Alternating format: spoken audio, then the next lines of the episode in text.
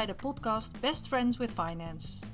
Ben jij die vrouwelijke ondernemer die vol passie bezig is om haar bedrijf te laten groeien, maar vind je finance maar noodzakelijk kwaad? Wij, Antonia Eilander en Monique Bush, gaan je op een luchtige manier meenemen in financiële zaken, zodat finance voor je gaat werken in plaats van dat het je tegenhoudt in de groei van je bedrijf. Kortom, zodat finance ook jouw best friend wordt.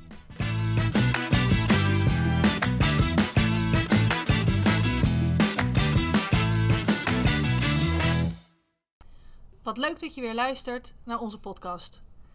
Monique en ik zitten gezellig weer bij elkaar. En we hebben er weer zin in vandaag om een leuke nieuwe ronde voor jullie op te nemen. En dan begin ik meteen met een vraag. Monique, ik zag een tijdje terug op LinkedIn een post van jou over een hele, hele blije Monique. Die een dag balance sheet reviews mocht doen. Ik krijg het bijna mijn strot niet uit. Balance sheet reviews met collega's in finance. En daar werd je echt helemaal gelukkig van. Alleen, nou ja, ik, ik denk ik en nog wel een x aantal mensen met mij. Zo'n balans, hè? Wat, wat moeten we ons daar eigenlijk precies bij voorstellen? Ja, Antonia, dat was echt een topdag. Daar blijkt denk ik ook wel uit dat ik een echte financial ben. Non-financials die kijken inderdaad heel graag naar de verlies- en winstrekening of de resultatenrekening ook wel uh, genoemd. Om te zien hoeveel omzet ze gedraaid hebben, hoeveel winst hebben ze gemaakt. Maar de echte financials die zitten toch veel meer op die balansposities. Uit een balans blijkt eigenlijk uh, de gezondheid van een onderneming. Een balans kan ook een beetje het vuilnisvat van een onderneming worden. Wij zeggen als financials altijd van alles moet uiteindelijk door de verlies- en winstrekening heen. Uh, de omzet, de kosten. Maar als je bepaalde dingen nu nog niet in die verlies- en winstrekening wil laten zien, dan kun je dat op de balans parkeren. En uh, ja, dan is het een beetje de vuilnisbak. En dat staat dan te wachten tot het een keer door uh, de verlies- en winstrekening heen mag. Op het moment dat wij als financial uh, heel veel van dat soort posten op zo'n balans zien staan, dan weten we eigenlijk ook wel dat de kwaliteit van de winst niet zo goed is als je misschien in eerste instantie zou denken. Oh ja, en is, is dat dan echt het, het grootste verschil tussen een, een balans en een verlies- en winstrekening? Ja, hoe, hoe, hoe, moet ik dat zien? Hoe, ja, hoe zie jij dat? Nog nou ja, ik, zal, ik, zal, het proberen heel simpel uit te leggen. Een verlies- en winstrekening is een soort. Nou, je kunt het eigenlijk een beetje vergelijken met je thuissituatie. Er komt uh, aan het einde van de maand uh, komt er een uh, salaris binnen of een, een, inkomen. En dan moet je vervolgens de rest van de maand moet je daarvan leven. Dat zijn kosten. En als, je, als het mee zit, dan hou je aan het einde van de maand wat over. Dat zou je dan als winst kunnen bestempelen. Kom je geld tekort, ja, dan heb je, heb je verlies gemaakt in die maand, want je hebt meer uitgegeven dan wat er binnen is gekomen. Nou, dat is heel simpel gezegd ook met de verlies- en winstrekening het geval. De omzet is wat je aan je klanten verkocht hebt. De kosten zijn de uitgaven die je gedaan hebt om die omzet te realiseren. En als je het goed gedaan hebt, hou je geld over. Dus dat is een beetje de periode waar je uh, verslag over doet. Balans is echt een momentopname van je bezittingen en je schulden en je eigen vermogen. Dus veel meer als je dat voor je thuissituatie zou doen. Van, nou, je hebt een huis en op wat voor manier heb je dat huis gefinancierd? Daar heb je eigen geld in gestopt of daar heb je een hypotheek uh, voor afgesloten. Dan heb je al veel meer over de balans van een onderneming. Dus het is echt een momentopname van je bezit, hoe rijk je bent. Super duidelijk. Hè? Nou, heeft even geduurd, maar eindelijk snap ik het dan ook. Ja. Dankjewel. Ja, ja, we noemen dat natuurlijk een balans omdat het twee zijdes heeft. Een balans heeft een linkerzijde en een rechterzijde. Die zijn met elkaar in evenwicht, in balans. Daar komt het woord vandaan. Als wij nou naar de linkerzijde van de balans kijken, dat noemen we ook wel de debitzijde, dan staan daar uh, je bezittingen op. Zoals ik net noemde, voor, voor je thuissituatie. Dat kan dan je huis zijn, dat kan je auto zijn, je spaarrekening. Dat zijn echt je bezittingen. Die heb je aan de linkerzijde van de balans staan. Kijk je naar de rechterzijde van de balans, dan is dat de financiering van al die spulletjes die aan de linkerkant staan. Dus dat kun je met eigen vermogen uh, doen, dat kun je met vreemd vermogen doen. Maakt eigenlijk niet uit hoe je het, hoe je het noemt. Maar alles wat aan de linkerkant zit, is op een bepaalde manier betaald of moet nog betaald worden. En dat kun je aan de rechterkant ontdekken. En dat is altijd met elkaar in evenwicht, vandaar de, de term balans. Super duidelijk. Ja. Als we nou eens uh, naar een balans van een onderneming kijken, dan zie je aan de linkerkant, aan de bezitkant, zie je als je een eigen bedrijfspand hebt, staat dat daarop. Als je voorraden hebt ingekocht die je nog niet in één keer verkocht hebt, dan zet je die voorraden ook op de balans. tegen de waarde waarvoor je het aangeschaft hebt. Je hebt de debiteuren op je balans staan. Dat sluit natuurlijk heel erg dicht aan bij uh, jouw expertise. Alle klanten die nog niet betaald hebben, dat noemen we debiteuren. En die zetten we op de balans, zodat we weten dat we nog geld te goed hebben van deze klanten. Het geld op je banksaldo staat aan de linkerkant van de balans. Andere partijen waar je nog geld te goed van hebt. En op die manier maak je echt een mooi overzichtje met overal waar je, nou ja, wat je in huis hebt, wat je bezit is en waar je recht op hebt. Gaan we dan vervolgens naar de rechterkant van de balans overstappen. Nou, dan zei ik net al, dan hebben we het over de manier waarop je dat gefinancierd hebt. Dat kan met uh, eigen vermogen zijn. Dat is bijvoorbeeld de winst die je in de afgelopen jaren gemaakt hebt en die je toegevoegd hebt aan je bedrijf. Maar het kan ook een financiering zijn die je bij de bank hebt, uh, hebt aangetrokken. Het kunnen crediteuren zijn. Je hebt al wel eens over debiteuren, crediteuren van Jiskevet gesproken. Maar ja, ook crediteuren bestaan echt. Dat zijn de leveranciers waar je zelf op rekening hebt uh, gekocht. Dus jij bent voor die leverancier ben jij een debiteur, maar de leverancier is jouw crediteur. Die financiert met het leverancierskrediet wat je krijgt een stukje van jouw onderneming. Een andere post aan de rechterzijde van de balans is de nog te betalen belasting.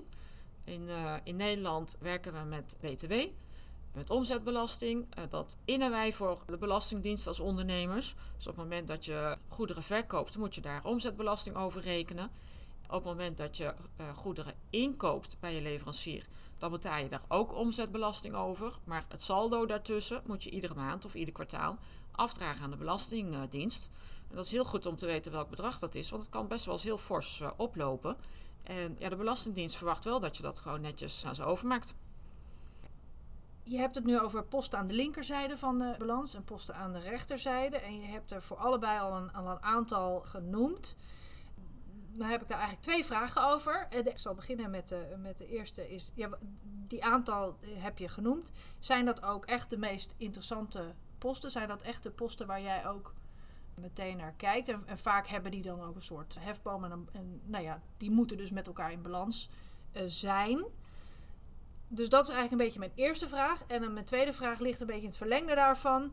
Want ik hoor je zeggen van het saldo op de bank is, is, staat aan de linkerzijde, dus aan de bezitzijde.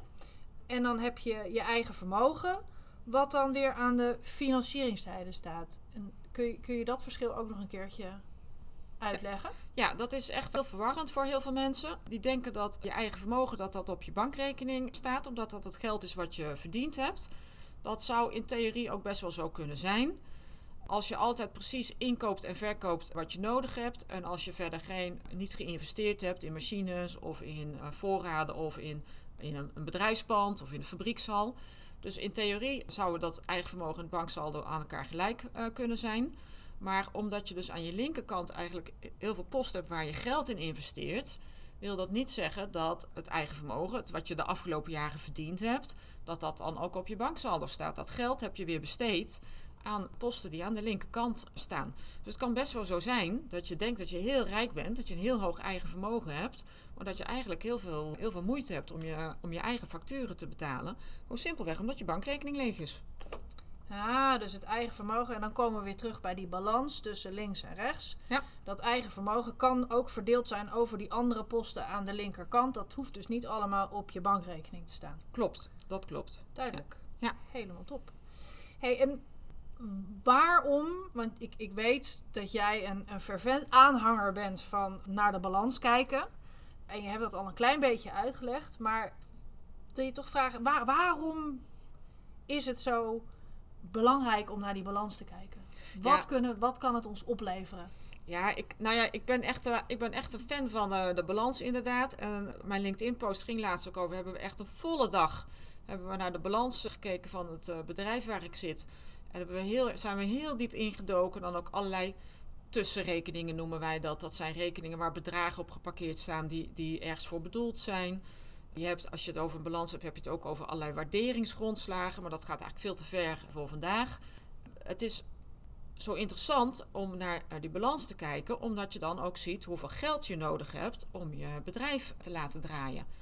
Wat we in onze eerste podcast ook verteld hebben, we zien heel veel vrouwen die uh, heel passievol met hun bedrijf bezig zijn, met verkopen om hun bedrijf te laten groeien.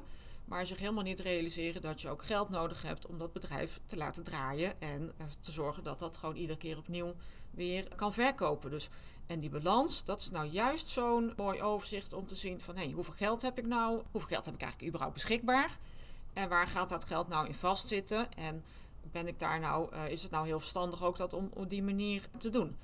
Ik zie in de praktijk heel vaak dat de linkerkant van de balans, dat dat maar gewoon voor waar wordt aangenomen. Dat iedereen maar ervan uitgaat dat dat is wat het is. En op het moment dat dan je banksaldo onvoldoende is om je rekeningen te betalen, dat ondernemers dan naar de bank gaan om te kijken of ze meer financiering kunnen verstrekken. Wat mij betreft is dat de verkeerde volgorde. Ik zou dat andersom doen. Ik denk dat je heel goed moet kijken van nou, wat heb je nu nodig om je bedrijf te laten runnen. En dat kan, dat kan al in een investeringsplan zijn hè, of in een ondernemingsplan. Als jij bedenkt dat je een bedrijf wilt gaan uh, oprichten, dan moet je ook van tevoren bedenken van hoeveel geld heb ik nou eigenlijk nodig waar ga, en waar ga ik mijn geld in stoppen. Je kunt het vanaf twee kanten benaderen. Aan de ene kant kun je zeggen van nou, ik, ik ga gewoon kijken hoeveel geld ik nodig heb en dan ga ik daar vervolgens financiering bij zoeken. Je kunt hem ook anders benaderen. Van, nou, ik heb zoveel geld. Hoe ga ik dat op de allerbeste manier besteden? Ik kan een voorbeeldje geven. Je gaat een bedrijfje oprichten en je hebt 10.000 euro. Wat je kunt investeren in je bedrijf. Nou, dan moet je natuurlijk heel goed afvragen waar je dat in gaat stoppen. Ga je dan voor 10.000 euro aan voorraad kopen? Wat je misschien helemaal niet meteen verkoopt, uh, wat heel lang op die balans staat voordat je dat weer omgezet hebt in geld. Of zeg je van nou, ik koop wat minder voorraad, want dan hou ik ook nog geld over voor als debiteuren zijn die niet meteen betalen. En dan kom je gelijk een beetje in een tweestrijd met de verlies- en winstrekening. Als jij, in de praktijk is het vaak zo dat als jij grote hoeveelheden inkoopt, echt gewoon bulk uh, inkoopt, dan kun je vaak een hele scherpe inkoopprijs bedingen. Ja, je hebt met je tassen nooit onderhandeld, maar als je daar wat verder in bedreven bent, dan ga je kijken van hoe meer ik koop, hoe, hoe lager de prijs kan worden. Dat kan natuurlijk voor je verlies- en winstrekening heel interessant zijn, want dan gaat de kostprijs van je product gaat omlaag. Maar voor je balans is dat misschien helemaal niet zo interessant, want dat moet dus wel gefinancierd worden.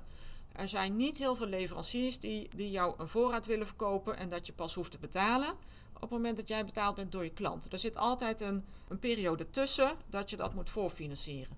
En als je niet zo heel veel geld hebt, als het, de financiering niet eindeloos is, ja, dan moet je dus heel goed over nadenken. Of je misschien beter een wat lagere voorraad tegen een wat hogere prijs kunt kopen. Of dat je zegt van nee, ik ga wel heel veel voorraad inkopen, want dan is die prijs zo scherp dat ik het ook weer heel snel verkocht heb. Nou, dat zijn eigenlijk gewoon berekeningetjes die je kunt uh, maken. En op die manier kun je natuurlijk gewoon een goede beslissing nemen wat je gaat doen. Linksom of rechtsom staat, staat dat geld dan vast ja. in je balans. Ja, klopt helemaal. Voor, voor het een of het ander. Ja, en wat ik, wat ik in, mijn, in mijn carrière wel gezien heb, ik heb er twee faillissementen meegemaakt. Je gaat niet zozeer failliet omdat je verlies maakt. Je gaat failliet omdat je geen geld hebt om je rekeningen te betalen. Dus geld is altijd cruciaal. Het is altijd heel belangrijk om te zorgen dat je voldoende zicht hebt op de financiering die je nodig hebt voor je bedrijf. Dus vandaar dat ik die balans zo belangrijk vind, zodat ondernemers zich er bewust van worden hoeveel geld er eigenlijk vastzit in dat uh, bedrijf. Ziet er ook wel ondernemers die gaan een eigen bedrijf beginnen en die willen dan meteen een mooi kantoorpand kopen. Ja, dat lijkt natuurlijk super gaaf. En dat zal bij best heel veel ondernemers op, een, op het lijstje staan als... Nou, als je een eigen pand hebt, nou, dan ben je echt een hele serieuze ondernemer. Maar waarom zou je zoveel geld in stenen stoppen als je ook gewoon uh, in het begin een kantoor kunt huren? En misschien dan niet zo fantastisch en mooi en precies zoals jij het wilt hebben. Maar ja, je hebt er in ieder geval geen geld in vastzitten. En dat geld kun je dan weer gebruiken om voorraden te kopen, om uh, debiteuren uh, te financieren. Dus die balans helpt je eigenlijk om heel bewust keuze te maken waar je je geld in stopt. En zo'n zo'n keuze om dan een, een, pand wel te kopen, wordt dat dan gedreven vanuit die uh, verlies-winstrekening? Uh, winstverliesrekening. Want ik weet, ik weet eigenlijk nooit. Het mag allebei volgens mij. Mag, het mag allebei, maar we hebben natuurlijk allemaal liever winst dan verlies. Dus ja, uh, ja het is een winst- en verliesrekening. Ja, verlies- en winstrekening is alfabetisch, maar ja. ik geef de voorkeur aan winst, winst en verlies. Winst- en verliesrekening. Ja. En is zoals je ziet in het Engels natuurlijk ook je PNL. Maar wat ik me nou afvraag, hè, terwijl, ik hoor je dat vertellen, van, dan, dan wil je graag een pand kopen. En ik, is dat dan gedreven vanuit het feit dat potentieel de huur hoger is dan de hypotheek? Misschien een maandelijk, qua maandelijkse kosten. Dus is dat dan, is dat dan winst- en verliesrekening gedreven dat je denkt: oh, ik, ik heb een pand en dan kost het me minder maandelijks. Maar dan verliezen ze even uit het oog dat dat het geld dan wel vaststaat. Ja. Ja, dat, of speelt dat dan niet mee? Nee, dat speelt heel goed uh, een hele grote rol mee. Je hebt natuurlijk gewoon de kosten die je in je verlies- en winstrekening ziet. En je hebt uh, de onzichtbare kosten. Het kan best zo zijn dat het pand kopen, dat dat goedkoper lijkt dan een pand huren. Alleen omdat je dan heel veel geld vast hebt zitten in het pand, waardoor je andere dingen niet kunt doen, ja, dan is zo'n pand misschien wel heel erg uh, duur. Als je daar uh, afgeremd wordt in je groei, ja, dan is het niet heel verstandig om een pand nee, uh, dan kun je dus beter elke maand ietsjes meer huur betalen dan dat je anders ja. kosten zou hebben om het, om het pand af te lossen. Of, of, of, wat je daar dan maar aan, aan, kosten voor betaalt. Maar ja. dat komt dan ook een beetje terug op dat, dat punt wat je eerder maakte over die, die voorraad die je dan voor een hele goede prijs kan kopen omdat je meer koopt. Ja. Dat je beter iets minder kan kopen voor een iets minder goede prijs omdat je dan gewoon meer ruimte houdt op je balans. Ja, en, en waar we onszelf ook nog wel eens misrekenen. Als we een, een huis kopen, dan wordt een huis over het algemeen uh, meer waard uh, na verloop van tijd. We zien in de praktijk dat kantoorpanden, bedrijfspanden, dat die eigenlijk gewoon na 30, 35 jaar gewoon afgeschreven zijn en zijn gewoon op. Dan moet je gewoon echt. Nou, ga, maar eens naar binnen bij een kantoorpand wat 30 jaar oud is, waar eigenlijk niet zo heel veel aan gedaan is. Dat moet echt weer heel grondig gerenoveerd worden. Daar moet je heel veel geld in investeren. Dus het is ook niet zo dat je met een bedrijfspand een appeltje voor de dorst opbouwt. Iets opbouwt. Nee, nee. nee, dat valt echt tegen. Dan, dan kun je met je huis kun je dat denken. Met een bedrijfspand is dat echt niet het geval. Dus daar hoef je het niet voor te doen. Ik zou ook zeker geen bedrijfspand kopen als je een startende ondernemer bent en van plan bent om heel erg hard te gaan groeien. Want nou, voor je het weet is je pand weer te klein, moet je naar uh, wat anders toe. Doe je nou iets heel specifieks? Heb je nou echt een specifiek uh, pand nodig voor, nou ja, voor het bedrijf wat jij hebt? Dan zou ik me wel voor kunnen stellen dat je uiteindelijk naar een eigen pand gaat. Gewoon simpelweg omdat een dergelijk pand niet te huren is. Maar ik zou niet heel snel geld in een eigen pand stoppen. En, en wat je nou eigenlijk al, al meegeeft, hè, dit, dit over die voorraad van zojuist, hè, de, de wijze van inkopen, maar ook het uh, investeren, al dan niet investeren in een pand of huren. Dat zijn natuurlijk al twee super tips waar, ja. waar iedereen gewoon meteen mee vooruit kan. En, en waar ook het, het belang van, die, van, een, van een balans uit, uit blijkt. Mm. Hè, waar, waar, je, waar je daarmee. Heb je, heb je toevallig nog iets? Ja, en dat, dat zit heel dicht tegen jouw specialisme aan. Vroeg me af waar die bleef. Ja. uh, debiteuren is vaak ook een enorme balanspositie. Het lijkt ook wel een beetje alsof het vanzelfsprekend is, alsof het moet, dat je op rekening uh, moet leveren. Maar dat, is natuurlijk, dat staat helemaal nergens. Nee. Je bent echt niet. Het is een keuze. Het ja. is echt een eigen keuze, hoewel heel veel ondernemers daar, daar niet zo bij stilstaan. Maar je bent natuurlijk niet verplicht om op rekening te leveren. Nee. Als wij als consument in de winkel iets kopen, dan betalen we ook gewoon meteen uh, waar, waar we mee naar buiten lopen. In de, in de zakelijke markt ook best vragen of uh, er vooruit betaald wordt. Of dat er meteen afgerekend uh, wordt. Het is echt niet verplicht om op rekening te leveren. Ja, of kortere betalingstermijnen. Of kortere ja, betaaltermijnen. Dat kan natuurlijk ook. Ja. En nou, je hebt natuurlijk ook best wel ondernemers. De, denk aan een bouwbedrijf of zo. Op het moment dat een bouwbedrijf iets gaat bouwen voor een klant. Het is natuurlijk absurd als een bouwbedrijf heel dat proces moet voorfinancieren. En pas aan het einde van het verhaal die rekening ja. kan sturen. Dus als je een heel lang productieproces hebt, dan is het ook heel normaal dat je met de klant bespreekt dat hij een vooruitbetaling doet. Of dat hij tussentijdse betalingen doet, zodat je niet heel dat uh, proces zelf hoeft te financieren. Kun je gewoon over praten, kun je gewoon afspraken over maken. Is eigenlijk gewoon helemaal geen, uh, geen gek uh, verhaal. Een, een, andere tip die ik wel heel vaak meegeef aan ondernemers is dat, ik noemde dat net al, de te betalen belasting we zijn geneigd als we niet naar de balans kijken om eigenlijk altijd maar gewoon naar het banksaldo te kijken. Maar zeker als je net begint met ondernemen, dan zou ik of een aparte betaalrekening of misschien een aparte spaarrekening uh, openen. Waar je iedere keer het geld wat je aan de Belastingdienst moet afdragen, dat je dat apart zet. Zodat je in ieder geval nooit in problemen komt met de Belastingdienst als je de belasting moet uh, afdragen. Want dat is echt super vervelend, want dat geld heb je wel geïncasseerd, maar is gewoon niet voor jou bedoeld. Je bent eigenlijk een soort nou ja, uh, tussenstation. En dat geld moet naar de Belastingdienst. Dus zet het apart. Want dan uh, kom je ook niet in de verleiding om dat uh, voor je bedrijf uh, te gebruiken. Dus op die manier kun je eigenlijk allerlei informatie uit je balans halen. Om te zorgen dat je zo min mogelijk financiering nodig hebt. En dat je echt heel goed over nadenkt waar je je geld in vastzet. Duidelijk. Super, dankjewel. Ja, ja ik, kan, ik kan nog echt een dag praten over. En ik kan ook nog heel veel andere balansposities noemen. Maar we gaan in de, in de volgende podcast gaat die balans ongetwijfeld weer heel vaak aan de orde komen. En dan gaan we wat, uh, wil ik wat dieper induiken op een uh, bepaalde uh, balanspost. Maar ik denk dat we nou ja, voor nu al best wel een aantal leuke en handige tips uh, hebben genoemd. Waar, waar onze luisteraars meteen mee aan de slag kunnen. Dus ik denk dat we, dat we er vandaag weer een mooi verhaal van hebben kunnen maken. Zeker. Helemaal goed. Dank voor het luisteren en tot de volgende keer.